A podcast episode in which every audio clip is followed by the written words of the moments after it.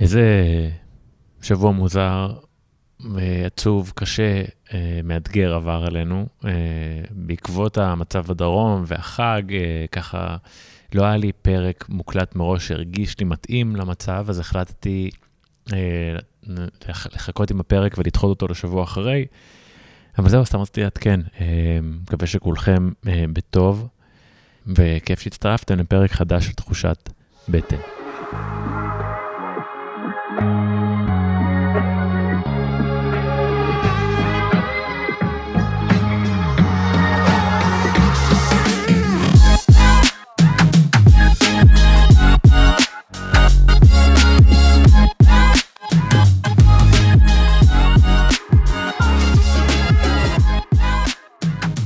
אם אתם חדשים כאן, תחושת בטן היא תוכנית שמטרתה להביא שיח אלטרנטיבי, ככה שאולי תערער אה, ותשפיע על הגישות שלנו, אם זה קשור לבריאות, לאורח החיים, למערכות יחסים, למיניות, להתפתחות ועוד. אני מתן חכימי, יוצר תוכן, מאמן, מחבר הספר חוקי בטן, ובשנים האחרונות אני ככה חוקר את הקשר בין אה, אורח החיים שלנו, הגישות שלנו, האמונות שלנו, וכל זה איך זה נוגע בעצם לבריאות שלנו. ויש כל כך הרבה דברים מרתקים וחשובים שעזרו לי לשפר את הבריאות שלי, שכל מה שרציתי זה לחלוק דברים כאלה איתכם, בעזרת האנשים שאני מארח פה כל שבוע. והשבוע הבאתי את uh, רישי. ככה, רק רישי. רישי הוא מטפל בנשימה ועובד בתחום ההתפתחות האישית ותרפיה בנשימות, מעביר קורסים של מטפלים לאנשים, והכל ככה סביב עולם הנשימות, אבל uh, גיליתי אדם מרתק וצללנו לעולמות חדשים ומדהימים. כרגיל אני רק אגיד ש... חשוב לי ומרגש אותי ועוזר לי, שאנחנו, אה, זה לא עוזר לי, זה עוזר לאחרים כשאנחנו משתפים את הפרקים, כשאנחנו מספרים לאחרים שיש פה בעצם איזושהי פלטפורמה שמשתפת אה, אה, ידע וחוויות שבאמת יכולות לשנות לאנשים את החיים. אז אנא מכם, שתפו את הפרקים האלו בכל צורה שלא תהיה. אני מעריך את זה הכי בעולם, וכיף לייצר איזושהי קהילה של אנשים שככה מתפכחים ולמדים יחד, ושאתם למדים יחד איתי בכל שבוע. אהלן רישי. שלום, מתן. כיף שאתה פה, הרבה זמן אה, ניסינו להוציא את זה לפועל. נכון. אה, אני חושב שאנחנו יכולים לדבר על הרבה דברים, ככה אולי נשימה זה הבסיס של הכל באיזשהו מקום. אה, אני, אני אספר שככה, כשהחלטנו שאתה תבוא לפה, אז אה, אמרתי לך שזה תהיה אולי פעם ראשונה שאני מביא מישהו לדבר על איזשהו נושא שלא התנסיתי בו בעצמי. ואז הצעת שאני אלך לבקר את אחד ה... אה, איך נקרא לזה? מי שבוגר קורס מטפלים. בוגר קורס שלך, אה, בחור מקסים שקוראים לו בן, ואתמול הלכתי אליו יום לפני הפרק בשביל להתנסות בטיפול שנקרא rebirthing, rebirthing. אז לפני שאני אספר על החוויה שלי, אולי ככה תתחיל אתה בלהציג שנייה מה זה הדבר הזה. קודם כל, אני רציתי שהוא יעשה לי חיים קלים.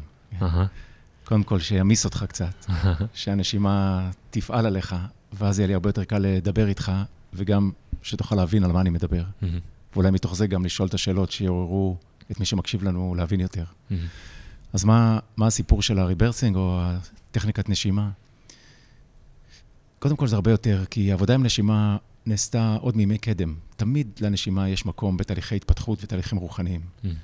בין אם זה ויפסנה שמביאה את הבן אדם למצב של התבוננות על הדבר הכי בסיסי, שזה הנשימה, ובין אם זה תהליכי תרפיה או תהליכי התארות, תמיד הנשימה הייתה מעורבת. ואם נהיה אה, יותר ערניים, אז נבין שהנשימה משקפת ונמצאת בכל מה שאנחנו עושים בחיים. היא כמו צל למצב התודעה שלנו, למצב הרגשי שלנו, למצב הגופני שלנו, mm. למה שאנחנו חושבים. היא מזון ראשון לקיום שלנו, אז היא בעצם איזשהו ציר מרכזי שיושב בין כל הרבדים שאנחנו, כמו איזה אמצע בין הגוף, הנפש, התודעה ואולי והרוח. אה, אני נמשכתי לעבודת הנשימה, כי היא תפסה אותי לא מוכן, כי היא לא ביקשה ממני להבין משהו, היא חיברה אותי מיד אל הגוף. Mm. היא חיברה אותי מיד למה שחי בתוך הגוף. היא חיברה אותי למה שאני מרגיש, והיא חיברה אותי ללב. אז על הלב אני כן אשמח להרחיב עוד כשנתקדם קצת בשיח. Mm-hmm. אבל תהליכי התרפיה שאתה פגשת אתמול, של, של נשימה מעגלית, או אותו סיבוב שבו עובדים הנשימה בצורה יותר דינמית. זה בא בשביל להאיר את הגוף לרמה יותר עוצמתית של אנרגיה, ממש כמו מים שזורמים בנחל אחרי שיטפון. כן, האזורים הצרים בנחל יתחילו להגיב, והנחל ירצה להתרחב. הנחל זה אנלוגיה לך, אתה בן אדם, ואני וכולנו. כל הזמן יש תנועה של אנרגיה בגוף. אנחנו למדנו לצמצם את האנרגיה בגוף, בשביל להיות יותר בשליטה, בבקרה, בשביל להיות יותר מבוקרים, בשביל להבין מה יוצא מאיתנו ולשמור על מה שנכנס אלינו. אתה יכול להסביר, לפרט על הדבר הזה שאמרת? כן, אדם שנושם עמוק, פתוח, הוא פתוח. אז הוא גם אה, חשוף, אז mm-hmm. הוא גם פגיע. Mm-hmm. כמו ילד. ילד נושם עמוק, ילד לא צריך ללמוד לנשום, ילד לא הפסיק לנשום עוד. זה לא מדויק לדקות הראשונות אחרי שהוא נולד. בסדר? שזה גם חלק מהתהליך הזה שנשימה מעגלית מחבר אותנו לחוויה ראשונית של נשימה של התחלת החיים שלנו. Mm. בגלל זה קוראים לזה rebirthing או לידה מחדש. אבל על זה נתייחס אולי בהמשך או בזמן אחר. אבל uh, על זה דיברנו, שהנשימה שלנו היא כל הזמן מאירה משהו בנו. היא, אי אפשר, אדם פתוח נושם עמוק. אדם, ככל שהוא חושב יותר בעולם, והוא חושש יותר בעולם, הוא נושם פחות. Mm. ילד, אתה רואה אותו, הנשימה שלו, כשהוא כועס, הנשימה כועסת. אין, אין דרך אחרת, רואים דפוס נשימה, מהיר וקצר. נכון. כשהוא מאוהב, וגם אתה, אתה תמצא דפוס נשימה אחר. אתה תראה נשימה עמוקה וארוכה, איטית. וכשאתה באקסטזה, כן, באיזה ריקוד, או בצחוק עמוק, או בבכי חופשי, או באורגזמה, אתה תמצא נשימה עמוקה ומהירה. Mm-hmm. וכשאתה בחרדה, אתה תמצא נשימה שטחית וקצרה. זאת אומרת, הנשימה היא כל הזמן מלווה משהו במצב הפנימי שלנו. כשהתחלנו לעצור את הביטוי שלנו, התערבנו בתהליך הטבעי של הנשימה. התחלנו קצת להפריע לה. בסדר? חלק, המזל הוא שהנשימה זה תהליך שהוא לא מודע, חלקית. חצי ממנו זה פעולה אוטומטית. אתה לא יכול לעצור את הנשימה כמה שאתה רוצה. Mm. כי המערכת הזאת היא אוטומטית. מתישהו תגיד, הלו, מתן, תחזור לנשום, כן? תוציא את הראש מתחת למים. אבל בעולם שלנו אנחנו קצת יותר מדי מתחת למים. לא, אני שמתי לב על עצמי, אה, הנושא של נשימות עלה טיפה בכמה מהפרקים שעשיתי על מיניות, שפתאום זה עלה על, אה, על זה שאנחנו לא נושמים בזמן אה, קיום יחסי מין, ואז, ואז התחלתי לשים לב לדברים האלה, גם בסקס, וגם אפילו כשאני מתאמן נגיד, אתה יודע, או סתם כשאני יושב אפילו על השולחן ומתעסק במחשב, שאני לא נושם טוב, אני שם לב לזה הרבה. האם לדעתך אפשר ממש להשתמש בנשימה ברגע נתון, אם נגיד סתם אתה אומר כשבן אדם בחרדה יש לו נשימה מהירה, אז אם הוא יחליט לשנות את הנשימה נכון. זה ישפיע גם על ה... חד משמעי, זה היופי. אם אתה תעבוד הפוך, אם אתה תתחיל לנשום, כמו בדפוס נשימה של רגיעה ואהבה, אתה תתמלא בזה. בדיוק כמו שאם תתחיל לנשום עכשיו בדפוס נשימה של חרדה, אתה תתחיל להרגיש חרדה בגוף. אז זה דרך מצוינת, אבל בוא נתחיל בכלל בני אדם, להתחיל לראות את הנשימה, להתחיל ליצור קשר איתה, להתחיל להתבונן, לראות שהיא קיימת. כן? לפעמים מספיק באמצע היום לקחת נשימה אחת עמוקה, ובעיקר נשיפה.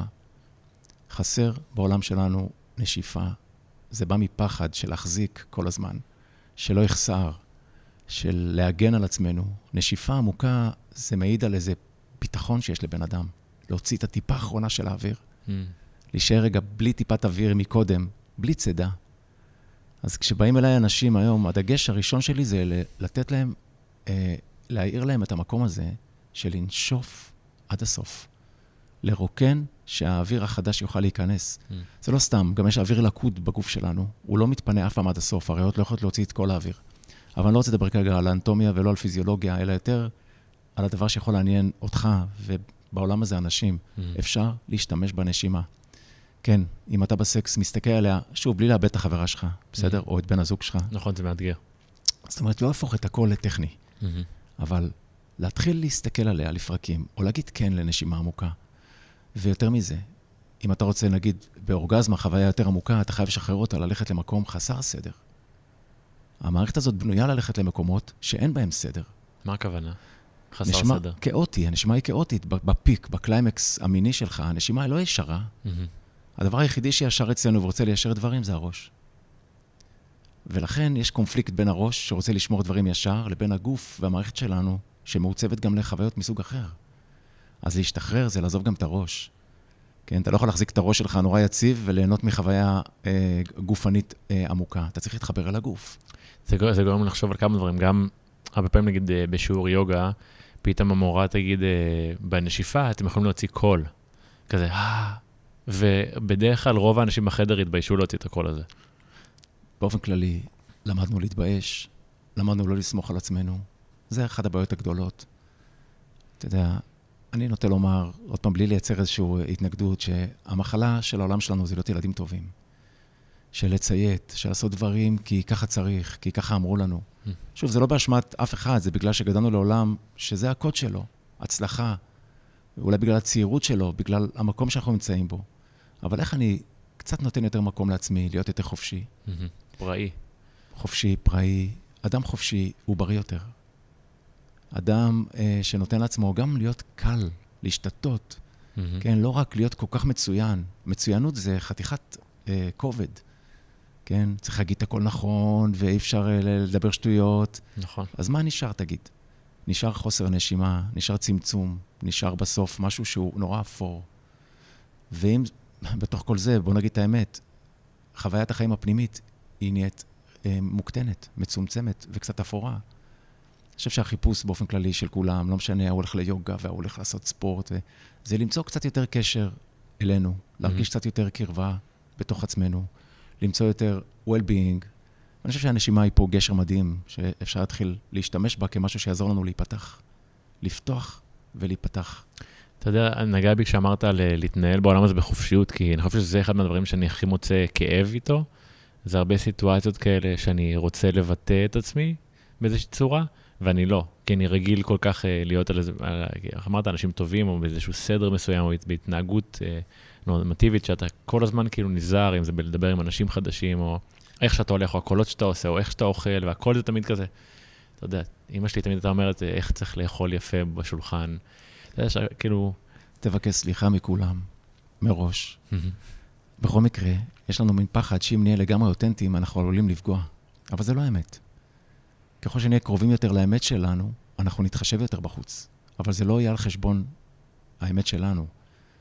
אני חושב שאם יש דבר אחד שאדם צריך להחזיק בעולם הזה, לפני הכל, זה כנות עצמית.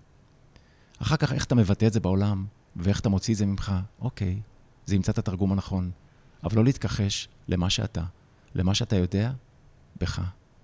בני אדם רוצים להיות אה, אמיתיים, אבל הם לא כנים למה שהם. כן? כנות מגדילה את האמת. כנות תשאיר נשימה פתוחה. ולא משנה, זה יכול גם להיות לא נעים, אבל זו האמת. זה נשמע רוחני מה שאתה אומר, אבל זה כל אני, זה, אני מוצא את זה כל כך מדויק, כי כביכול אה, הרבה אנשים, אה, כולל אני, יכולים לחשוב שאנחנו מביאים אמת, אבל יש אה, ת, תמיד את השמירה הזאת על דיוק, מה, מה לא מתאים להגיד, מה כן מתאים להגיד. וכשאתה מביא את זה עד הסוף, גם באמת אז נהיה מעניין. השיחות נהיות מעניינות, הקרבה נהיית אמיתית. ה... אתה מאוד צודק, והייתי מוסיף על זה בשביל לעשות איזשהו עוד הבחנה. Mm-hmm. להיות כנה, זה גם שאלה לאיזה רובד שלך. כי גם אנשים שעשו mm-hmm. מעשים איומים בעולם, היו כנים לאיזה דפוס חשיבה שלהם, שהוא לא היה אמיתי, הוא לא היה אה, יסודי. ולכן אני חושב שהשער בתוך כל הדבר הזה, זה הקשר אל הלב. ולפעול בכנות למה שאתה יודע בלב, לא למה שאתה חושב בראש. כי זה מתחלף, נכון? היום אתה אוהב את החברה שלך, מחר פחות. היום אתה אוהב ספורט, זה, זה נורא mm-hmm. מתחלף, זה לא עקבי. Mm-hmm. הלב הוא הרבה יותר עקבי במובן הזה. אבל אני מעלה את זה כי הפסקנו לנשום בעולם, כי פחדנו לבטא את הרגישות שלנו, את הרגשות שלנו, את הרצונות שלנו. רצונות הולכים עם רגש ביחד, נכון? ילד שרוצה משהו, אחרי שהוא לא מקבל אותו, הוא נהיה כועס. Mm-hmm. או אם הוא מקבל אותו, הוא נהיה מרוצה ושמח. זאת אומרת, רצונות הם לא נפרדים מהממד הנפשי-רגשי. וזה נקודה להעיר אותה. אני יכול לשאול בן אדם מבוגר, תגיד, מה אתה רוצה? הוא אומר לך, אני לא יודע. אני לא יודע מה אני רוצה, וזה נקודה להיות בשקט בתוך עצמנו, ולהתחיל לאבחן קצת את המיקום שלנו, מי אנחנו במובן הזה, כן? או במילים אחרות, לפתח איזו אינטימיות בתוך עצמנו, שמאפשרת לנו לשמוע יותר את הפנימיות, את הכל, את הדבר הזה ש... שהוא אנחנו. הרבה אנשים באים אליי לתרפיה, בדיוק כמו שאתה התחלת לחפש אה, ריפוי עצמי, נכון? Mm-hmm. באים כשמשהו כבר, משהו מציק להם, משהו מציק בגוף, משהו כבר לא בריא בגוף, אה, משהו, אה, לא יודע, מת, נכנסו לחרדות, לדיכאון, שזה כבר היבט של ביטוי של התנגדות לטבע שלנו. נכון? הטבע, כשהוא יותר פתוח, יותר זורם, הוא יותר בריא. Mm-hmm. נכון? אבל אז זה קריאה להרבה אנשים. אתה יודע, אני חושב שהעולם שלנו היום מלא בדיכאון, מלא בפחד, בחרדה. זה נובע גם מניתוק מאיזשהו חלק פנימי שלנו, של חוסר השתלבות עם החיים, עם, עם האותנטי, כן, עם מי שאני. Mm-hmm. תחשוב שאתה חופשי על האופנוע שלך לאנפילד בהימאליה, נכון, ואתה בריא שם. אתה. צורח בתוך הקסדה או בלי קסדה עם בנדנה, נכון? כי אתה חופשי. אני חושב שפה אנחנו בעולם כל כך, מש... שכל הזמן מייצר איזה קושי, וכל הזמן צריך להיות כל כך מדויקים בו. וכל כך מנטליים בו. כן. זה לוקח את הנשימה, לוקח את החופש, ולוקח את החירות של החיים שלנו להתקבל ביטוי טבעי ושקט בחוץ. אני אתמול, אה, אני אספר קצת על החוויה שהייתה לי עם בן בריברטינג. עשינו את ה... תראה, הגעתי לבן, עשינו כל מיני דברים, גם אה, בהתחלה רקדנו קצת, גם מוזר, פתאום לרקוד עם איזה בן אדם זר, לשחרר אנרגיה. זה לא היה ריקוד, זה היה יותר כזה לנענע את הגוף, להוציא קולות, להוציא איזה דברים שאתה לא רגיל לעשות בכלל. כן. ואז באמת uh, התחלנו את התהליך בשכיבה, עצמתי עיניים, והתחלנו לתרגל את הנשימות המעגליות. ואני נושם ככה במשך, אני לא יודע כמה זמן, בטח 20 דקות לפחות, והנשימה מאתגרת אותי, אבל לא קורה כאילו שום דבר. תשמע, איפה זה נהיה מעניין? באיזשהו שלב, um, אני כבר לא זוכר מה קרה בדיוק, אבל באיזשהו שלב אמרתי לעצמי, אמ, אם החוויה הזאת כאילו לא תיתן כלום עכשיו, כאילו אם, לא, אם היא לא תביא לאנשהו, מה יהיה לי מחר אה, לדבר כאילו עם, אה, עם רישי ואיזה ערך אני יכול לתת למאזינים, אוקיי? המחשבה הזאת פתאום הובילה אותי למקום שהתחלתי לבכות, והבנתי שאני כל הזמן עסוק ב, בלנסות לתת כאילו איזשהו משהו, ואני בכלל כאילו לא בדיוק דואג לי בסיפור הזה, כאילו, ואז נזכרתי גם שהייתי פעם אחת באיזה סדנה, של כמה ימים, אה, של קשורה לרגשות ולהתפתחות, ובסוף הסדנה דיברתי עם ההוא שהנחה אותה, והוא כאילו, על איזשהו עניין, ואז הוא אמר לי, ניסיתי כאילו, ניסיתי כאילו לעזור לך לדבר על זה, אבל לא הבנת, וקלטתי שבמשך כל הסדנה, כאילו, הייתי עסוק בלהפגין איזשהו סוג של חוסן, אבל לא נתתי לרגשות שלי ביטוי. ואז בתובנה הזאת, שכאילו, לא יהיה לי מה לדבר איתך מחר, היום, הבנתי שאני עדיין, עם זה שאני חושב שאני הגעתי לאיזה מקום של פתיחות, אני עדיין כל הזמן מנסה לשמר איזשהו אה, חזות של הכל טוב, ו- ואני בכלל לא נותן ביטוי כאילו לכאב ולעצב בחיים שלי כבר הרבה זמן, ובאמת התחלתי להתפרק שם, ואתה יודע, הוא עודד אותי גם להוציא קולות ורעשים, וכאילו, כי גם את הבכי אתה בדרך כלל רגיל לשמור, בהתחלה בכיתי קצת, ואז הפסקתי, כי לא נעים לבכות, ו... קודם כל, מגניב שאתה משתף. כן. ומגניב שזה נגע בך ככה, ומגניב שראית את זה כמו שראית את זה. כן. יכלנו לשבת, אני ואתה, ולדבר על כמה, אה, על כמה יופי, אה, על כמה יפים החיים. טוב, גם אם לא היית מתפרק אתמול. אבל זה שהתפרקת קצת, זה בגלל שנתת לעצמך מקום שהוא בהחלט חשוב, לא בשביל הכאב, בשביל שתוכל אחר כך לבטא את האהבה שלך. אז תשמע, אז אני רק אוסיף לספר לך עוד משהו, שהיה כאילו מאוד עוצמתי. אני בחיים שלי, אה, אתה יודע, ההורים שלי גרושים, מערכות יחסים לא, לא פשוטות עם ההורים. אבא שלי בדרך כלל היה רוב החיים, אה, עד היום, כאילו, בן אדם שכאילו התקשורת היא יותר קשה. בן אדם הוא, הוא מבוגר, הוא פרסי, הגישה שלו ברמה החינוכית, היא כאילו הייתה תמיד נוקשה כזאת. אה, ו... והיה לנו כאילו תמיד קשה, כי אני הייתי מרד... מרדן כזה, והוא כאילו רצה תמיד שאני אהיה כאילו מסודר. ואימא שלי, היה לנו חברות כאילו תמיד מאוד טובה, אנחנו, היא, אמנית, כאילו, היא יוצרת כזה, יש לנו תמיד חיבור טוב, היא רגישה מאוד. ובשנה האחרונה התרחקנו קצת, ככה בלי שבאמת איזה, אה, כאילו מישהו יכול, אה, אתה יודע, זה, אין, אין, אנחנו לא בריב, פשוט התרחקנו קצת. ואתמול פתאום נפל לי, אני גם מאוד ביקורתי כלפיה, ופתאום נפל לי שכנראה שיש איזשהו כעס כלפיה, לא יודע אם זה מפעם, מעכשיו, אבל יש איזשהו כעס, אני כל כך כועס עליה, ואני כל כך עסוק בלבקר אותה, שכבר הפסקתי לראות אותה, ואת כמה שאני אוהב אותה. וכמה שהיא חשובה לי, וכמה שאני צריך אותה, וכמה שאולי הגיע הזמן שאני אתחיל להכיל אותה. ואז כשנגמר הטיפול התקשרתי אליה.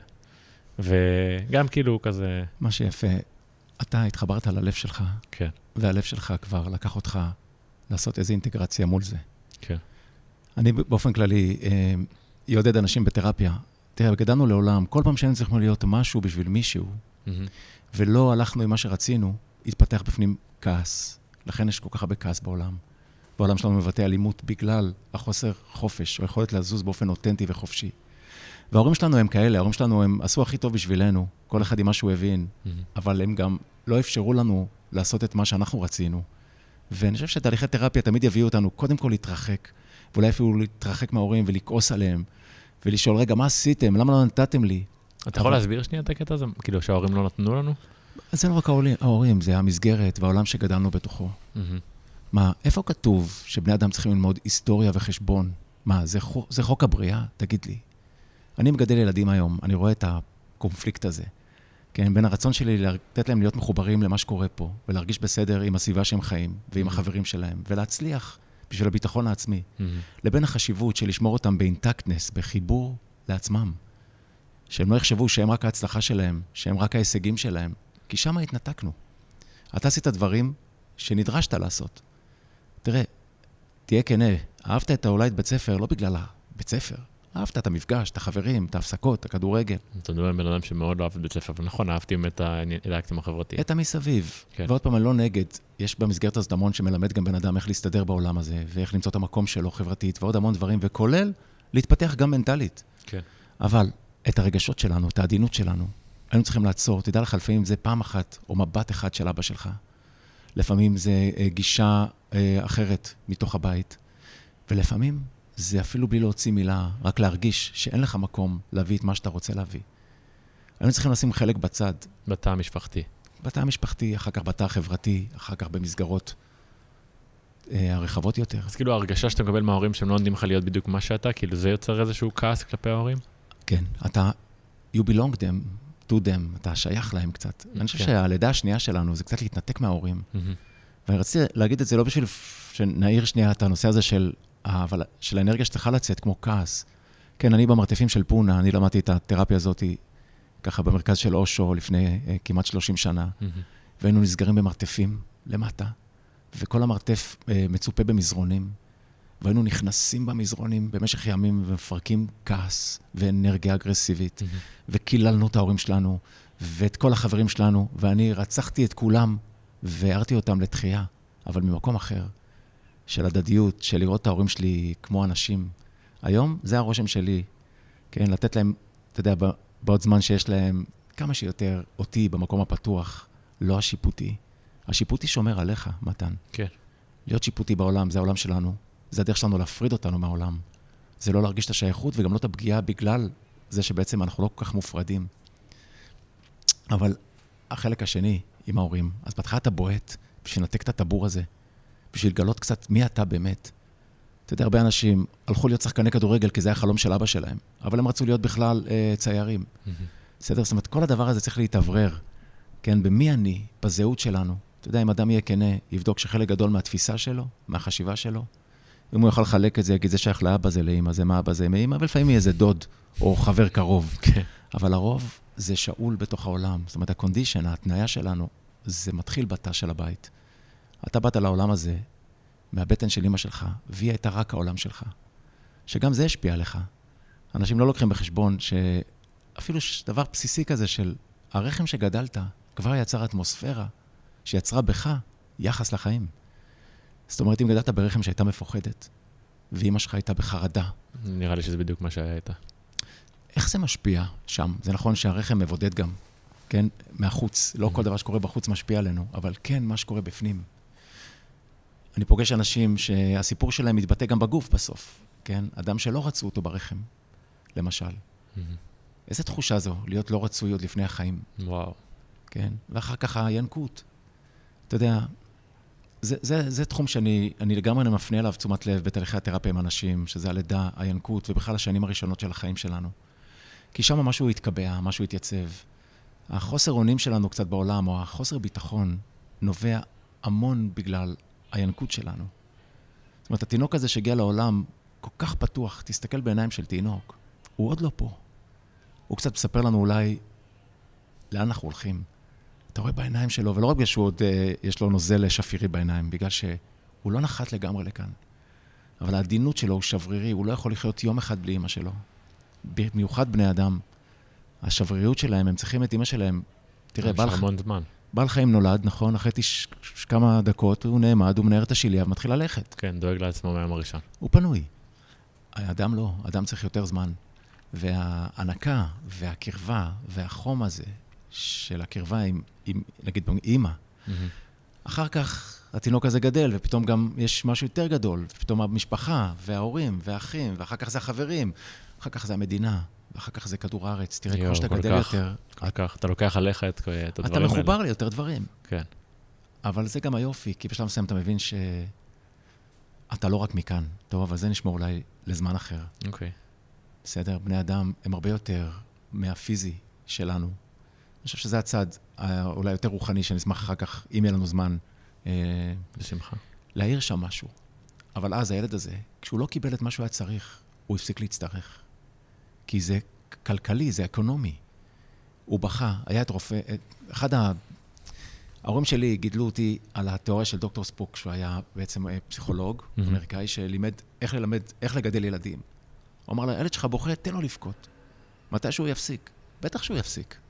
כשהוא מבין שהוא לא מקבל את מה שהוא צריך, אין מענה לזה, הוא יתנתק. עכשיו, זה רק דוגמה למה שקרה בתוך החיים שלנו בכלל, שניתק אותנו מהצרכים שלנו, הכי בסיסיים, מלהבין את הרצונות שלנו, ושם טמון כאב. כי זה הסיט אותנו מהתפתחות יותר טבעית. אתה יודע, אני שואל הרבה פעמים אנשים, תגיד, שבאים עם קונפליקט, איך היית מתייחס לזה אם זה היה היום האחרון של חייך? כמה מקום זה היה מקבל באמת? Hmm. אתה שואל אותי מה אמיתי? אמיתי יותר. דברים שיעמדו בצורה כזאת למבחן. תנקה, אני מנצל את ההזדמנות הזאת. Mm-hmm. אתה לא צריך, תסלח לאמא שלך בך. אחר כך, אם זה יתבטא מולה באיזשהו אופן, זה חשוב, אבל כרגע פחות עבורך. הרצון שלי בעבודה עם אנשים זה למצוא בפנים אה, מקום של התפייסות, מקום של סלחנות. Mm-hmm. סליחה היא כמו משחה מרפאה. אבל בתהליכי תרפיה, אתה משחרר קודם את הכעס, ואחר כך אתה מוצא את הסליחה האמיתית. Mm-hmm. היא לא באה בגלל שאני מבין שאני צריך לסלוח, היא באה בגלל שאני מוצא את הלב שלי, והוא, בטבע שלו, סלחן. וזה אחר לגמרי. אז שמע, אתה אומר את זה, ו... אז אמרתי, התחלתי להגיד שהתקשרתי אליה אחרי זה. ולא שיתפתי אותה במה שקרה, כאילו, אמרתי לה שאני אוהב אותה, והיא שמחה כזה, ו... ואז התחילה לדבר, והיא הייתה אותו אימא, שיש לה מלא דברים להגיד, ושהיה לי מאוד קשה לשמוע, ופשוט אה, הרגשתי שהלב שלי מנהל את השיחה, וביקורתיות כאילו פתאום לא הייתה שם, ואז אמרתי, וואו, כל כך, כנראה שהכאב, או, או, או זה שאני לא סולח על משהו, הדברים האלה מנהלים אותי.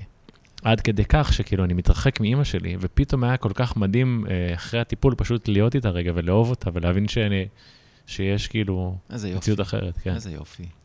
מתנה, מתנה גדולה. איזה יופי. זה כמה שאפשר. אתה יודע, לא לסלוח, זה מפתח חשיבות עצמית. Mm-hmm. זה נותן לנו, זה האגו שלנו מת על זה. להיות בעוינות, להיות בביקורתיות, זה נותן לנו תחושה פנימית של חיות, אבל היא לא אמיתית. ללכת ללב, אבל בשקט, ולראות קצת יותר מהתוכן שלו, אני חושב שזה הבדל מהותי. אדם יכול לחיות באותו כדור הארץ, באותם זמנים, ולחוות חוויית חיים שונה לגמרי, בהתאמה למקום שממנו הוא פוגש את העולם. אם אתה תפגוש את אמא שלך מהראש החושב, הביקורתי, שרואה את החוסר, כי הראש מטבעו יחפש לראות גם את החוסר. Mm-hmm. או אם אתה רואה את השלם שהלב יכול לראות. אני, כשאני רואה את אמא שלי, אני רואה את הילדה הקטנה הזאת, וזה גורם לי רק לרצות לתת לה עוד טיפה לדבר. יותר מזה, אני לפעמים wow. סתם שואל שאלות. תגיד, אבא, ספר לי קצת, נפגשנו לפני שלושה שבועות אצל אחותי. יש לי אחות דוסית אחת ביבניאל, והורים שלי איפשהו מסתובבים בכל מיני מקומות, ונפגשנו ביחד כולם. בהיסטוריה שלי, מת אח שלי בתאונת דרכים. וואו. ולהורים שלי זה היה שבר אדיר, וגם לי. אתה יודע, כשאני מסתכל, זה היה עוד איזה תפנית מהותית בחיפוש, במקום שרוצה לדעת קצת, רגע, מה הולך פה? העולם הזה נעלם לי, אז להשתלב בו ולהישאר באותם קודים, לא יכלתי. וזה זרק אותי לאיזושהי הסתכלות וחיפוש ברובדים אחרים. אז אני שואל את אבא שלי שאלות על ההתמודדות שלו, ותגיד, וכשלמדת אז, והיית בפנימייה, ואיך הרגשת, ורק הדיבור והאינטימיות היא הדבר. האינטימיות שנוצרת בתקשורת בעולם הזה מרפאה אותנו, מרחיבה את הלב שלנו. תראה, שמנו את הנשימה בצד, תכף אני אשמח לדבר פרקטית עליה, mm-hmm. אבל כשאתה אינטימי ואתה בלב, אתה לא צריך שום דבר אחר, הנשימה כבר תהיה. היא נעצרת כשאתה בראש, היא נעצרת כשאתה דואג. אנחנו חיים בעולם רווי בדאגה. Mm-hmm. אנחנו כל הזמן דואגים. תראה כמה שעות ביום מוקדשות למנהלה. כאילו, באנו לעולם הזה ל... אבל מאתגר, החיים מאתגרים. הכל נכון, הכל נכון, אבל כבר לא נשאר זמן. אם אתה נותן עשר שעות ביום למנהלה, גם הקצת שיישאר לך לא יוכל לקרות. אז כאילו, כן, צריך פה לסכן משהו. צריך לסכן קצת את האופן שבו אנחנו מושיטים יד בעולם הזה. איך אני משתלב בעולם הזה? איזה מקום אני נותן לקונפליקטים בעולם הזה? הכל, אני חי בעולם הזה, כן, ואני מתמודד איתו, ואני מגדל ילדים, ויורים עליי טילים, בסדר? Hmm. איזה מקום אני נותן לזה? זאת אומרת, זה לא רק נובע מההחלטה, זה נובע מהמקום שגדל בי, שגדל בך. אחרת לא היית מזמין אותי לפה, או אחרים. הרצון הזה להיות יותר, יותר שלם. אמרתי ככה אתמול בפגישה שהיינו, שהנזיר הבודהיסטי, כנראה שאם היו עפים טילים מעל הראש שלו, היה יורד בשקט, ככה, לשבת בשקט. הוא לא היה רץ מהר מדי בשביל לא ליפול.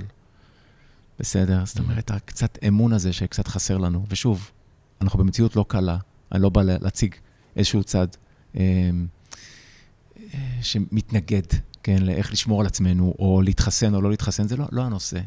הנושא זה להיות עם מה שאתה יודע באמת, ולתת לזה את המקום. כן, דאגה לוקחת אותנו, דאגה היא לא הכרחית. אתה יכול לראות משהו שהוא לא במקום ולרצות לכוון אותו, אבל אתה יכול להתעסק איתו כל היום. וזה אחר. כן. אמר לי פעם מורה, משפט שנשאר אצלי, על המצב בעולם, כי אנחנו חיים פה. הוא אמר לי, know it, but don't think it. Mm. ואני חושב שזה שינוי. ממש מתחבר למה שאתה אומר. כן, זה שינה בתפיסה שלי משהו. אני רוצה לראות מה קורה פה, אבל יש הבדל בין לראות את זה, לבין להכניס את זה למערכת העיכול שלך. לכאוב את זה, כן. בכלל, ללעוס את זה. זה נכנס למערכת הדם שלך. אז איך אנחנו מייצרים קצת ריחוק? יש את העולם שלנו. אנחנו חיים פה, אבל רגע, אני לא שייך להכל. אתה יודע מה? יותר מזה, כמו שהעולם שלנו אה, מתנהל, אני גם לא רוצה להשתייך להכל. לאחרונה יצא לי לדבר בגלל המצב, אה, אתה יודע, אנשים שמאוד מאוד כועסים על פוליטיקאים, נגיד, או על המצב, והכל כאילו, הכל צודק, הכל הגיוני, אבל מה שאמרת על לעכל את זה, כאילו אם אתה לוקח את הכעס שלך פתאום על ראש הממשלה, או על הסיטואציה, ואתה פשוט נותן לזה לבעור בעצמך, ואתה רואה חדשות, ואתה כאילו כועס, ומעכל את זה, כאילו, דיבר נכון. עליי מאוד, כי זה... תדע לך, זה סופר קריטי. אני גם יכול לאהוב או לא לאהוב חלק מהדברים שאני רואה מסביבי. אני לא אתן את עצמי לזה. כי להפך, כשאתה נותן את עצמך למהומה הזאת, אתה רק מגדיל אותה. זה ההבנה שלי. אדם בסוף, you become what you think. אתה מתעצב כמו איזה פלזמה כזאת, כמו פלסטלינה. Mm. אתה תתעצב בהתאמה לחשיבה שלך. ואולי זה המזון הראשון לגוף. אתה יודע, אנחנו מדברים על המזון, ואנשים רוצים לשמור על המזון שלהם, נכון? ויש טרנד מגניב של, של שינוי תזונתי, ואנשים סופרים את, ואוכלים קקאו בבוקר, גם אני, אם אני יכול. אבל אם לקחנו בחשבון שהמזון הראשון שלי זה התודעה שלי, אם אני בפחד, אני מזין את המערכת שלי בזה. בסדר? ולכן, אתה יודע, זה, זה קצת הולך פילוסופית, אבל אני, אני כן אה, שמח תמיד לדבר על זה. know it, but don't think it. וזה לא אומר להיות פסיבי, לפעמים אתה צריך להתערב. ואם אתה מרגיש ללכת לאיזה הפגנה ולהרים דגל, תעשה את זה. אבל אל תיתן את כולך לזה. כי ברגע הזה, אתה כבר לא בבית שלך. Hmm. מדהים. יותר מזה, נורא קל לנו להאשים את הדרגים הגבוהים על משהו שחסר אצלנו. ואני לא בא חלילה אה, להגיד שאי אפשר שזה יהיה אחרת, אבל אם אתה שואל אותי, התנועה של השינוי תבוא רק מלמטה, לא מלמעלה. כשהבסיס של הפירמידה הזאת יהיה לו צרכים אחרים, יהיה לו גישה אחרת, ההנהגה תהיה חייבת להכתיב תנועה אחרת. כן. וזה קורה. אני שקט על זה לגמרי.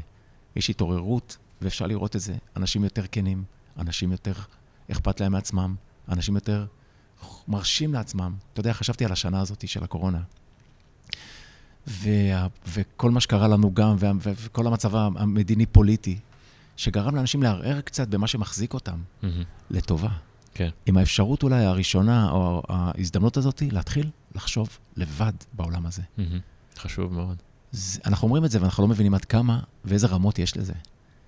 אנחנו עדיין חושבים בתוך המסגרת הקטנה שלנו, אבל באמת לחשוב לבד על החיים שלנו, על מה הם, לאן הם הולכים, איך הייתי רוצה שהם ייראו, ולא רק בתוך הפאזל הזה שגדלתי בתוכו. ואני חושב שזה, אותי זה מסקרן, אני נמשך לזה, לחשיבה החופשית הזאת, לצאת טיפה מהגבול. אבל בוא, אני אחזיר אליך. אולי תרצה לכוון אותי יותר לאזור הנשימה או הפרקטיקה של דברים. אנחנו נדבר גם על זה, אני חושב שאנחנו מדברים על מלא דברים מאוד חשובים, בלי לתת אה, פרקטיקה של 1, 2, 3, אבל גם לזה בטוח נגיע. אני רוצה ככה, אמרת על, אתה יודע, לקחת את הדברים האלה ולעכל אותם. ואתה יודע, אני לא יכול אה, לא לחשוב על עצמי, שכאילו הייתי עם בעיות בעיכול הרבה שנים, מחלת עיכול כביכול. ו... ואתמול בפגישה עם בן, הוא כאילו ככה דיבר על, באמת על, ה, על העניין הזה של כאילו, אמ, אני לא זוכר בדיוק את המילים שלו, אבל גם על כל מה שקשור ללא לסלוח, וגם על זה שאתה בוחר לקחת איתך פנימה, ו, ו, או, שאתה, או שאתה לא מצליח לעכל דברים. אולי ככה ניגע בזה קצת, כי אנחנו חיים במציאות שהמון אנשים סובלים מבעיות בעיכול ומחלות, וכמה, באמת, איך, איך כל הדבר הזה של לסלוח ולכעוס, והלב שלנו באמת מתחבר לעולם הזה של המחלות. אני אשמח לגעת בזה. לא בטוח ספציפית לבטן, mm-hmm. בסדר? כי אחד עם הבטן, השני עם בעיות מפרקים, והשלישי עם... שאתה... אגב, אבל... אני, אני מאמין גדול שאין אה, הבדל בין המחלות. יותר מזה, אני עוסק בריפוי, אבל, אבל מה זה נקרא לעסוק בריפוי? אני רוצה לעזור לבן אדם mm-hmm. להיפתח לזרם הטבעי של החיים שלו. הזרם הטבעי של החיים מביא איתו ריפוי מעצמו. נכון, זה כמו שאם תחתך באצבע, והופ, מחר זה מתחיל להגליד, ומחרתיים הוא יישאר סימן קטן. נכון, אבל בפנים שלנו, מה שלא רואה אוויר ואור, בדיוק כמו הפצע הזה, לא יגליד ויישאר המון מתח. בסדר? ואחר כך יכול להתבטא באופן פתולוגי. Mm-hmm. דברים מודחקים, מחזיקים אנרגיה, יכולים להתבטא מתישהו באופן פתולוגי. המערכת שלנו לא יכולה להחזיק. אבל אני אגיד ככה גם עם איזה גרשיים, שמתוך ה-recall healing, שזה גם איזה ערוץ שאני מביא בתוך עולם הטיפול שלי, שהמחלה זה הפתרון הכי טוב שהמוח שלך האוטומטי מצא להתמודד עם קונפליקט במצב מסוים. כן? זה הדבר הכי טוב שהוא ידע לעשות אז בשביל לשמור עליך קיים. הביטוי, הפרשנות של זה ואיך שזה יתבטא. אבל כן, העולם שלנו סובל מחולי, ושוב, זה יכול להיות גופני או מנטלי, שזה יותר אופייני היום. בטח. נכון? כל דלת רביעית מישהו אה, נמצא ב, ב, במצב נפשי אה, אה, כמעט לא אנושי. לא נרדם בלילות, אה, לא אוכל בימים, אה, לא מצליח לבטא את עצמו, אה, פריון, שנהיה היום גם נאור אקוטי ובעייתי. ככל שזה חוזר לטבע שלו, הדברים הטבעיים הם יכולים להיות יותר במקום שלהם. אבל פה אפשר להשתמש גם ב-common sense, אתה יודע, מערכת העיכול, כן, קשורה קצת לעיכול שלנו, איך אני מעכל את החיים, איך אני מצליח לתת להם מקום, איך אני סולח, סולח קשור גם לכסמרה, קשור לעוד אזורים של הגוף, אבל באמת כל איבר בגוף גם סימבולית לאיזשהו קונפליקט שלנו, שזה סופר מעניין להתחיל להתייחס לזה ככה. כל אזור, כל, כל שן, כל אצבע קשורה גם לקונפליקט שונה. Mm-hmm. לנשום עמוק, מביא אנרגיה שיכולה להחזיר משהו הרבה יותר uh, בריא. תנשום לבטן, מתן. זה גם חוסר נשימה לבטן. אני רואה אותך, ואתה יודע, אני קצת עוסק באבחון דרך uh, איך הגוף שלנו מספר משהו. Mm-hmm. זה קשור קצת לראשוניות של החיים. תן לנשימה להגיע עמוק פנימה. לתוך הבטן. והעיכול הוא לא רק של איך אני מעכל את מה שקורה לי, זה איך אני מאפשר למי שאני להתעכל בתוך העולם. לבוא החוצה לתוך העולם. איך אתה מבטא את עצמך? איך אתה חי. ילד חי בעולם הזה inside out. הוא חי מבפנים החוצה, ובגלל זה זה כל כך יפה לראות את האופן שילדים זזים. כן? הוא מבטא את הרצונות שלו מבפנים, הוא מטפס על העץ כי הפנים שלו רוצה לטפס על העץ, אז הגוף שלו משתלב בזה, mm-hmm. כן? הוא מבטא את עצמו בקלות. כמה פעמים הבת שלי... בוכה בשנייה. בוכה. צוחק. או יותר מזה, הבת שלי באה ואומרת לי, אני שונאת את... אה, לא משנה, לא אזכיר שמות. בסדר, מותר לה, היום היא שונאת אותה, מחר היא תאהב אותה. החופש הזה, להיות דינמי, לא להיות מקובע, להוריד גישה, להרפות רגע את העמדה הזאת. אני רואה אנשים שיש להם איזה רעיון על עצמם מלפני 20 שנה, שעדיין מחזיקים אותו. איפה ייכנס חדש? אם אנחנו כל כך סגורים על מי שאנחנו, אתה תמשיך לזוז ותשאל שאלות, אתה תראה הרבה יותר את החלקים שאתה לא יודע. אתה תאהב את ה-unknown.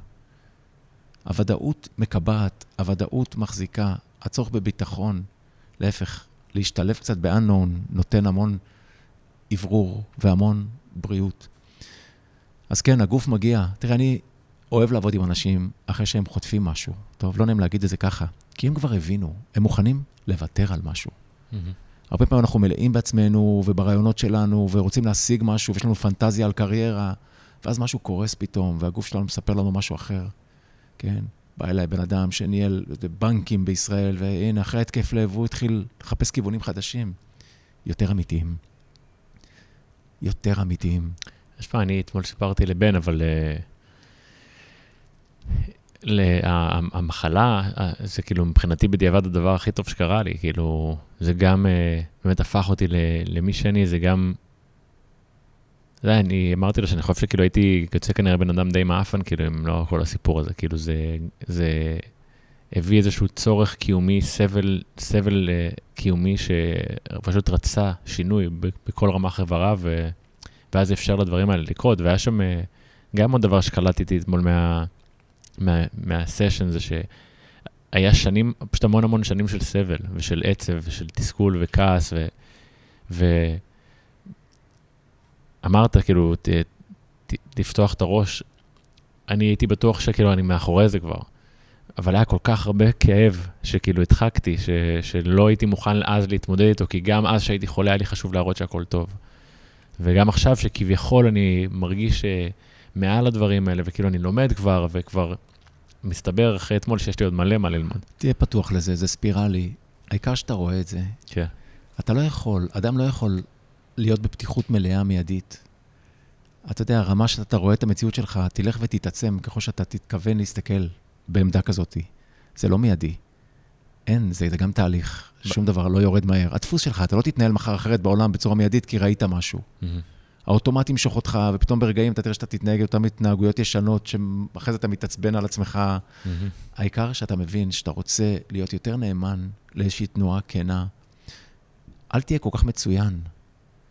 אתה יודע, הייתה אצלי מישהי אתמול בסדנה, אמרתי לה, בבקשה ממך, שישה מפגשים, תהיי חלשה. עכשיו, מה תהיי חלשה? תהיי חלשה, זאת אומרת, פתוחה. אנחנו צריכים להיות כל כך חזקים. אתה שואל בן אדם, מה שלומך? אמר הכל בסדר. שנייה אחת, אוקיי, אז למה אתה שואל בכלל? נכון? אם אתה באמת מתעניין, וזה נכון, ברמה הגבוהה של הדברים, הכל בסדר. כן, אבל אם יש פניות, באמת, הקשבה, האם יש מקום ש... עוד פעם, זה הלב. הלב יבריא אותנו גם. החוסר בעולם שלנו, תראה, אנשים מטפחים את הגוף עם פעילות גופנית ותזונה, ומפתחים את המנטל עם הדברים שאנחנו נדרשים בעולם הזה, אבל איך אני נותן עוד קצת מקום לפן יותר נפשי, אה, פנימי שלי? קצת כמו, תזכור את הילד הזה שאתה. תזכור אותו. אתה יודע, אירוע שהתמודדת איתו, יכול להיות אחלה סימניה בשבילך, אבל גם זה יכול לחלוף, והעולם הזה יכול למגנט אותך. אם אתה לא תחזיק עקרונות חדשים שאתה רואה, כי פגשת אותם.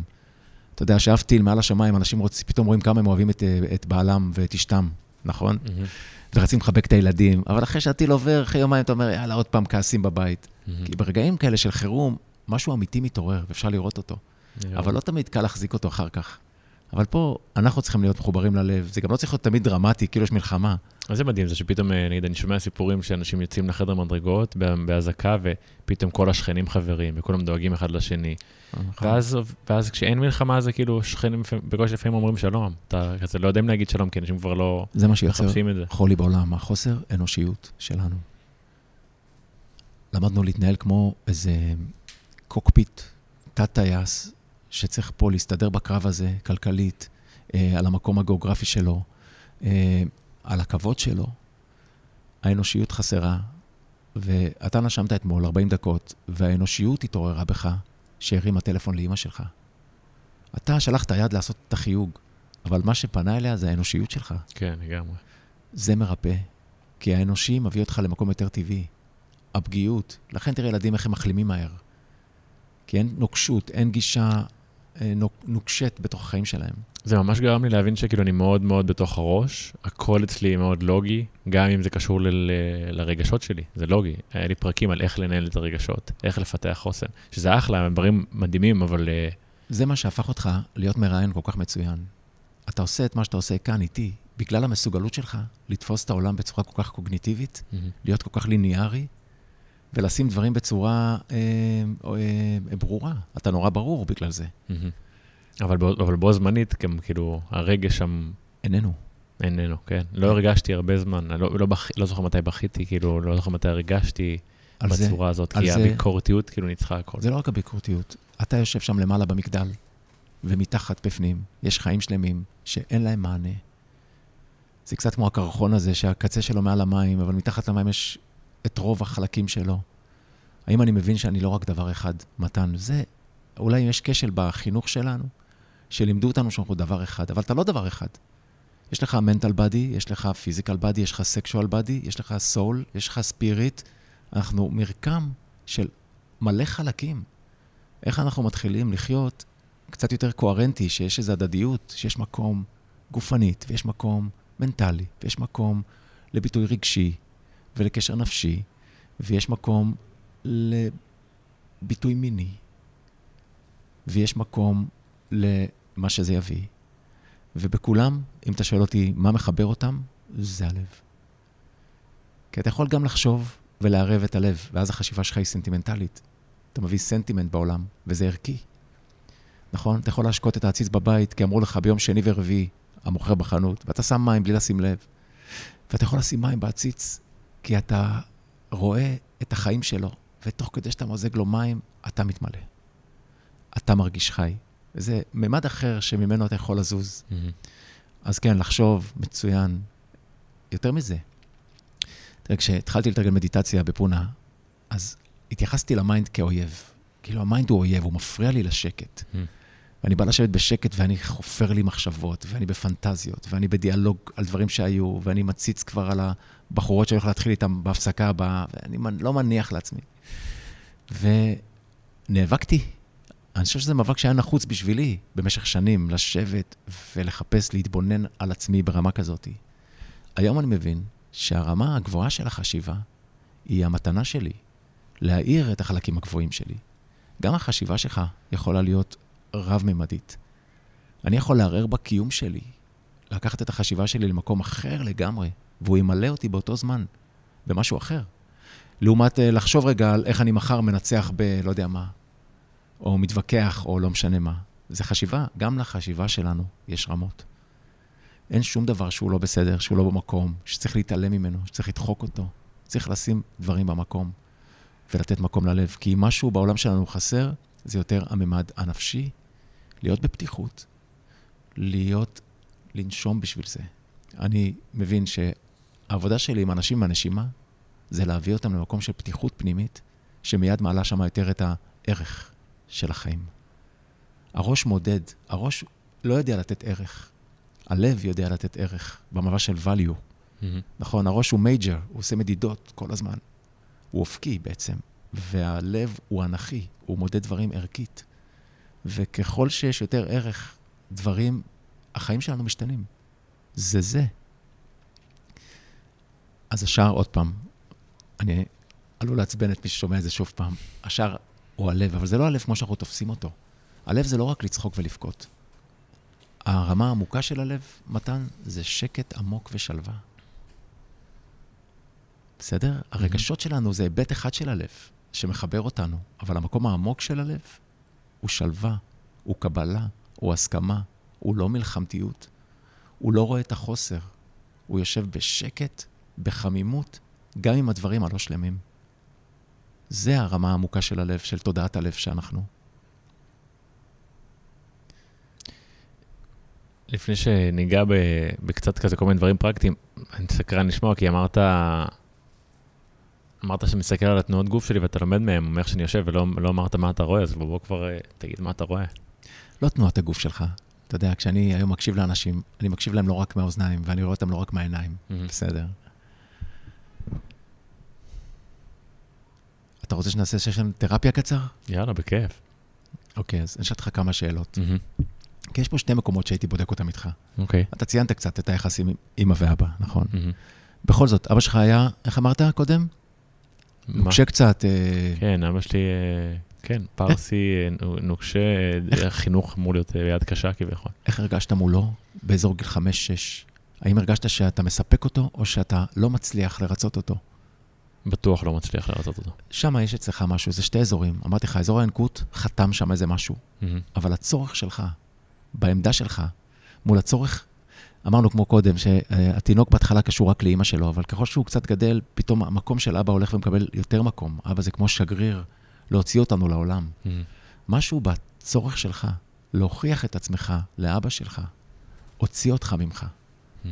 גרם לך בחיים האלה כל הזמן לחפש הכרה בעולם הזה. ואם תהיה, ככה תסתכל על זה, אולי תראה אפילו את הצורך שלך לקבל הכרה גברית בעולם הזה. Mm-hmm. לקבל הכרה מסמכות גברית בעולם הזה. כן, זה קיים. מה שקרה שם, בזמן הזה, זה אזור, האזורים, זה אזור של גיל 4, 5, שיצר איזו נוקשות אצלך.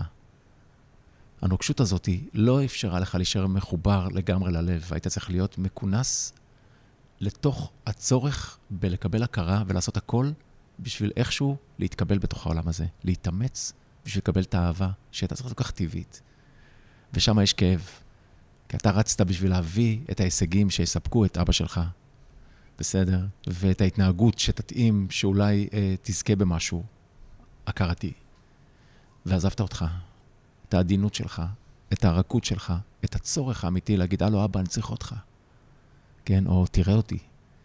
ההורים שרואים את הילדים זה כמו שמש, זה כמו אור לצמח, כן, mm. שגדל. אי אפשר בלי זה. כשאין לנו את האנרגיה הזאת בהתחלה, נמשיך לרדוף אחרי זה כל חיינו, נחפש תשומת לב עד גיל 80. איזה עצוב זה. במקום להפוך יום אחד לשמש בעצמנו ולהאיר את הסביבה שלנו, נשאר כמו ירחים שקצת מחזירים אור. אז אני חוזר אליך, כי אתה ביקשת את זה. Mm-hmm. כן, אם יש משהו שם, זה לקשור את הלב שלך בחזרה לאנרגיה שלך ולמיניות שלך. למה הכנסת מיניות? כי זה קרה בזמן הזהות המינית, ההתגבשות של זהות מינית, mm-hmm. הגילאים, הזמן הזה, שבו בן אדם מתחיל להבין את עצמו. אתה יודע, מיניות לא התחילה בגיל הנערות. בסדר? זה הרבה, נכון. הרבה קודם. זה הגיל הזה. אולי אתה זוכר את זה, שהרגשת שאתה צריך להתאמץ בעולם הזה, שאתה צריך לעמוד דום קצת ליד אבא שלך, שאולי אפילו פחדת ממנו. Mm-hmm. איזה מין חוויה זאת, לפחד ממי שאמור לדאוג לך. היה שם. אז על זה אנחנו מדברים. קודם כל תסלח לו עכשיו. בסדר? הוא עשה את הכי טוב שהוא הבין מהעולם שהוא בא. אני תמיד רואה את זה ככה, זה מקל עליי. אני רואה את אבא שלי, ואני רואה את האחים והאחיות, משפחה עיראקית ענקית כזאת, יושבים, אביבה, דליה, כולם, איזה בלאגן, ומתעסקים כל הזמן, נורא כוחני ונורא בחוץ, כן? והיום מה שנשאר לי זה רק לסלוח שם, ולמצוא בחזרה את הרכות, ולהפך, להאיר את הרכות שם. אז אתה כילד למדת משהו, אולי לא למדת את זה מנטלית, לא הפנמת את זה חשיבתית, mm-hmm. אבל הפכת את זה לדפוס התנהגותי. כן, כמו אני חייב להצליח, אני חייב להיות טוב, אני חייב להוביל, אני חייב, לא משנה מה, כל החייבים האלה צריכים לרדת, mm-hmm.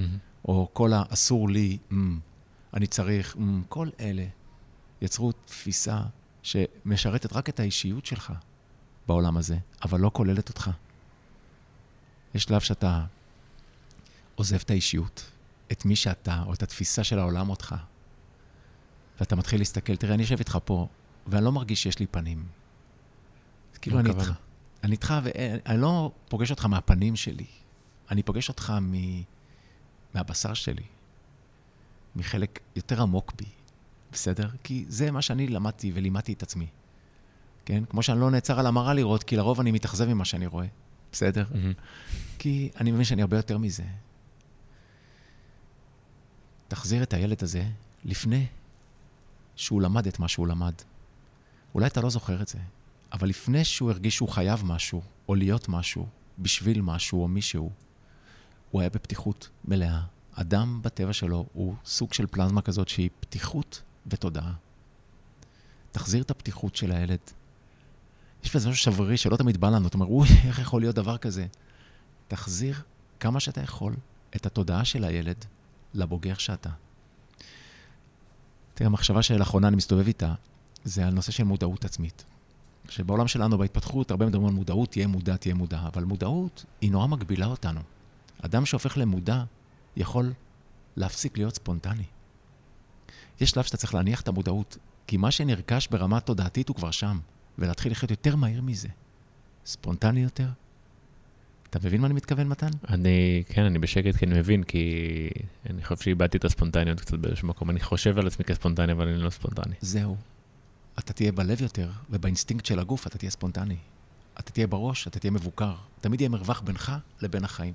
תמיד יהיה הפוגה בין החוויה שלך לזמן שהיא קורית. והתודעה, יש שלב שאתה עוזב את זה, ואתה מתחיל להיות יותר חופשי. להגיד, בלי להעביר את זה תהליך בקרה. לרקוד בלי לחשוב על איך שזה נראה, או איך הידיים שלי צריכות לזוז.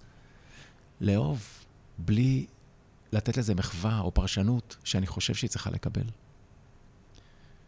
אתה יודע, בסוף אנחנו כאן. לא פגשתי מישהו שיש לו ספק על האהבה שלו. פגשתי אנשים שהם בספק על הפחד, ספק על הכעס, ספק על, ה, על המימוש הקרייריסטי שלהם. לא פגשתי אדם אחד שהוא בספק על האהבה שלו. ואהבה זה לאו דווקא מערכות יחסים, זה מתפרש בכל מה שאנחנו עושים. נכון, אם יש לך תשוקה לאיזה תחום, אתה תתעסק במוזיקה, אז אתה מנגן, אתה לא, אתה, לא, אתה לא טועה לגבי האהבה שלך לנגינה, כן? או לכל דבר אחר, כי האהבה היא טבעית לנו, אבל היא לא יכולה לבוא מבחוץ פנימה. התנועה שלה היא תמיד פנימה החוצה. תחזור שמה, לגיל ארבע, תחבק את הילד הזה, תגיד לו, היי, מתן, בוא רגע. אתה מדבר עם הילד, mm. אתה אומר לו, היי, בוא רגע, בוא אליי. אני איתך. ש... אתה שומע? ואז אם הוא קצת פתוח, אתה גם מניח לו יד על הכתף, אתה אומר לו, איזה יפה אתה.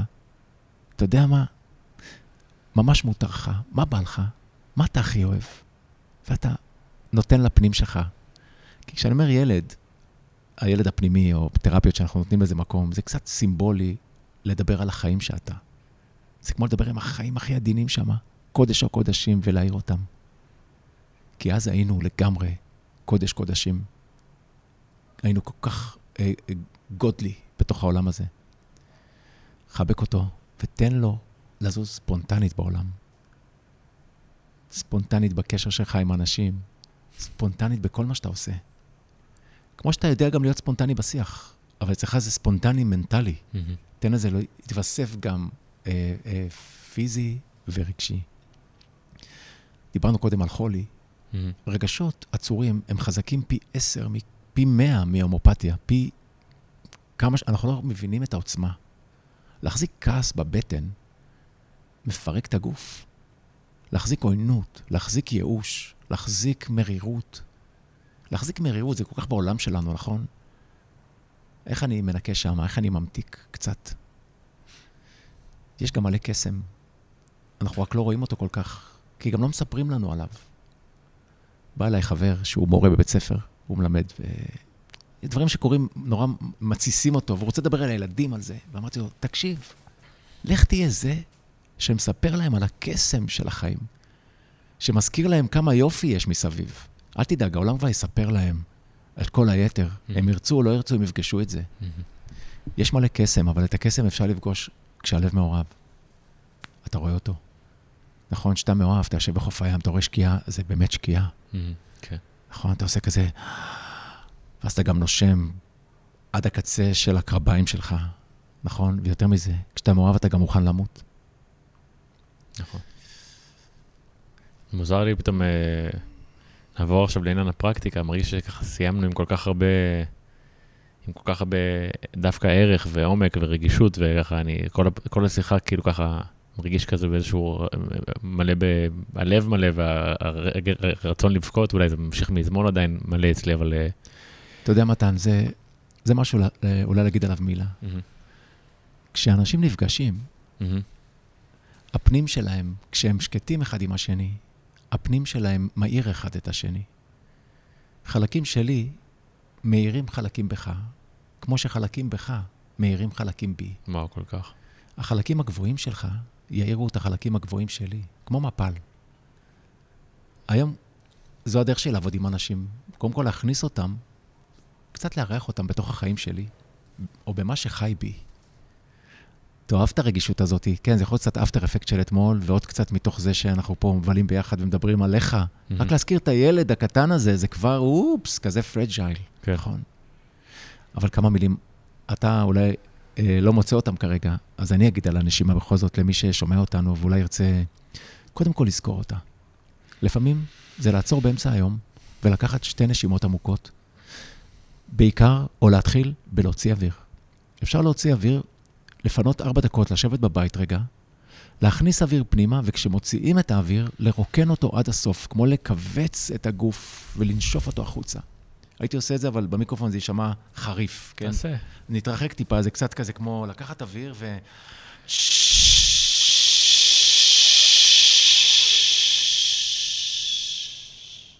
מוציאים, מוציאים את כל האוויר ועוצרים לרגע. ואז הקפיץ שמע, לא ישאיר ברירה והוא יפתח, וכשהוא יפתח, הוא יפתח מקום ליותר נשימה. אז זו טכניקה מצוינת לפעמים, לעצור לכמה רגעים, לכווץ, להוציא, כי אנחנו מלאים. האוויר לא יוצא כי אנחנו דואגים, האוויר לא יוצא כי אנחנו חושבים, האוויר לא יוצא כי אנחנו מלאים בפנטזיות, האוויר לא יוצא כי אנחנו לא שקטים. אז להשקיט בנשיפה. Mm-hmm. דבר נוסף, דבר נוסף, אפשר לפעמים לפני השינה, לשים יד על הבטן ולנשום נשימות עמוקות ושקטות לתוך הבטן שלנו. זה יעזור לנו להירדם, וזה יכניס אותנו למקום יותר שלב. אדם שהוא שלב, אם דיברנו קודם על דפוסי נשימה, הבטן שלו תהיה מעורבת. אני לא רוצה כרגע להיכנס, כי נורא קשה ההבחנה הדקה. יש אנשים שנושמים לבטן בגלל שהם בשליטה נוראית על בית החזה שלהם, זה טיפה שונה. אבל בגדול, לנשום גם אל הבטן וגם קצת לבית החזה, ולתת לזה, לקחת אותנו לאיזה מנוחה מלאה. אבל אמרתי, כמו שאמרתי לך קודם, שהזמנת אותי לשיחה, נדבר על הנשימה, אבל לדבר רק על הנשימה אי אפשר. צריך להבין שהנשימה הולכת עם החיים. ומה שיכול להשתנות אצל בני אדם, אם תהיה ככה בהבחנה מלאה, תבין שאם יש משהו שכן יכול להשתנות בך, בסוף, זה רק הגישה. מה ישתנה? הגוף, הגוף כבר גמור, נכון? הוא arrested, הוא, הוא, הוא מעוצב סופית. מה שיכול להשתנות זה הפנים שלנו, שמצפה ורוצה לגדול, והתודעה שלנו. זהו, כל היתר לא יכולים להתפתח, והתודעה, אני מתכוון במובן פה של גישה, איך אני מתייחס לדברים. תראה כמה קשה לנו לשנות באמת. כולם מדברים על שינוי, כאילו זה קל, אבל שינוי אמיתי זה לא קל. כי זה רשום כל כך עמוק שמה, הדפוס של החשיבה והגישה. איך אני מסכים להיות פחות חשוב? פחות חשוב בעולם הזה. יותר קל. קל באיך שאני מגיב לדברים. סלח יותר מהר. לפעמים אני רואה אנשים שלא סלחו לחברים שלהם 30 שנה. זה נזק לעצמם. לא להחזיק. להיות כמו יותר ויותר, דווקא בעידן הזה אפילו יותר, להיות יותר, יותר בלי מאשר יותר עם. מה שמשאיר מקום לחדש לבוא לקחת אותנו. כן, אבל אולי זה שיח, אם יום אחד תרצה, נדבר קצת על מה ש... על החלק השני של החיים שלנו פה. אנחנו לא רק פה. יש לנו עוגן גם איפשהו, כן? בעולם היותר אה, רוחני. אני יודע שמילה רוחנית יכולה לייצר צמצום, אבל תגיד לי, מה זה אהבה, אם זה לא ביטוי רוחני לחיים פיזיים. אתמול פגשתי מישהו בסנדרה, אמר לי, תקשיב, אשתי הביאה אותי רוחנית, אני לא. אמרתי לו, תגיד, אתה מבטא את האהבה שלך בעולם? אתה מצליח לבטא את האהבה שלך בעולם? זהו. זה שם בסוף. Mm. אתה יודע, פרקטיק, פרקטיק of spirituality, בעיניי זה אחד מההיבטים. רישי, אה, תודה על מפגש מרגש ומלמד ו... כך שאני מאוד מאוד מתרגש לחלוק אותו. תקשיב, אני מרגיש שאנחנו רק מתחילים עכשיו. הייתי יושב איתך עכשיו, כי כשאתה יותר שברירי מולי כרגע, יש לי איפה להיכנס אליך. וכשיש לי איפה להיכנס, אני גם יכול קצת להזיז אותך. או לשתף אותך, כן, בתוך דברים שיכולים אחר כך גם, גם להיות, אה, להשפיע. שמחתי מאוד לפגוש אותך, ואתה יודע מה? תבוא לנשום גם איתי פעם אחת. אני אבוא, אני אשמח. מעבר לנשימה הזאת שעשינו היום, כי זה נשימה. זה לא נשימה לגוף, אבל זה מייצר נשימה בגוף. כן, איזו התרגעות בתודעה שלנו, פתאום איזו הבנה ש-all is so well. מתן, סחטיין על מה שאתה עושה, ותודה לך. תודה חברים שנשארתם איתנו עד הסוף. אני מקווה שהפרק הזה נגע בכם כמו שהוא נגע בי, ככה אולי יפתח לכם את הראש טיפה. כמובן שאם אהבתם ונהניתם מהפרק, תחלקו אותו, שתפו אותו, תעזרו לי להיות הכוח הזה שמביא אה, את, ה, את הקול הזה של השינוי, כי בינתיים מי שנחשף לפודקאסט מקבל ממנו לא מעט, ובא לי שעוד ועוד אנשים יקבלו את הדברים הללו. שיהיה שבוע טוב ונתראה בשבוע הבא.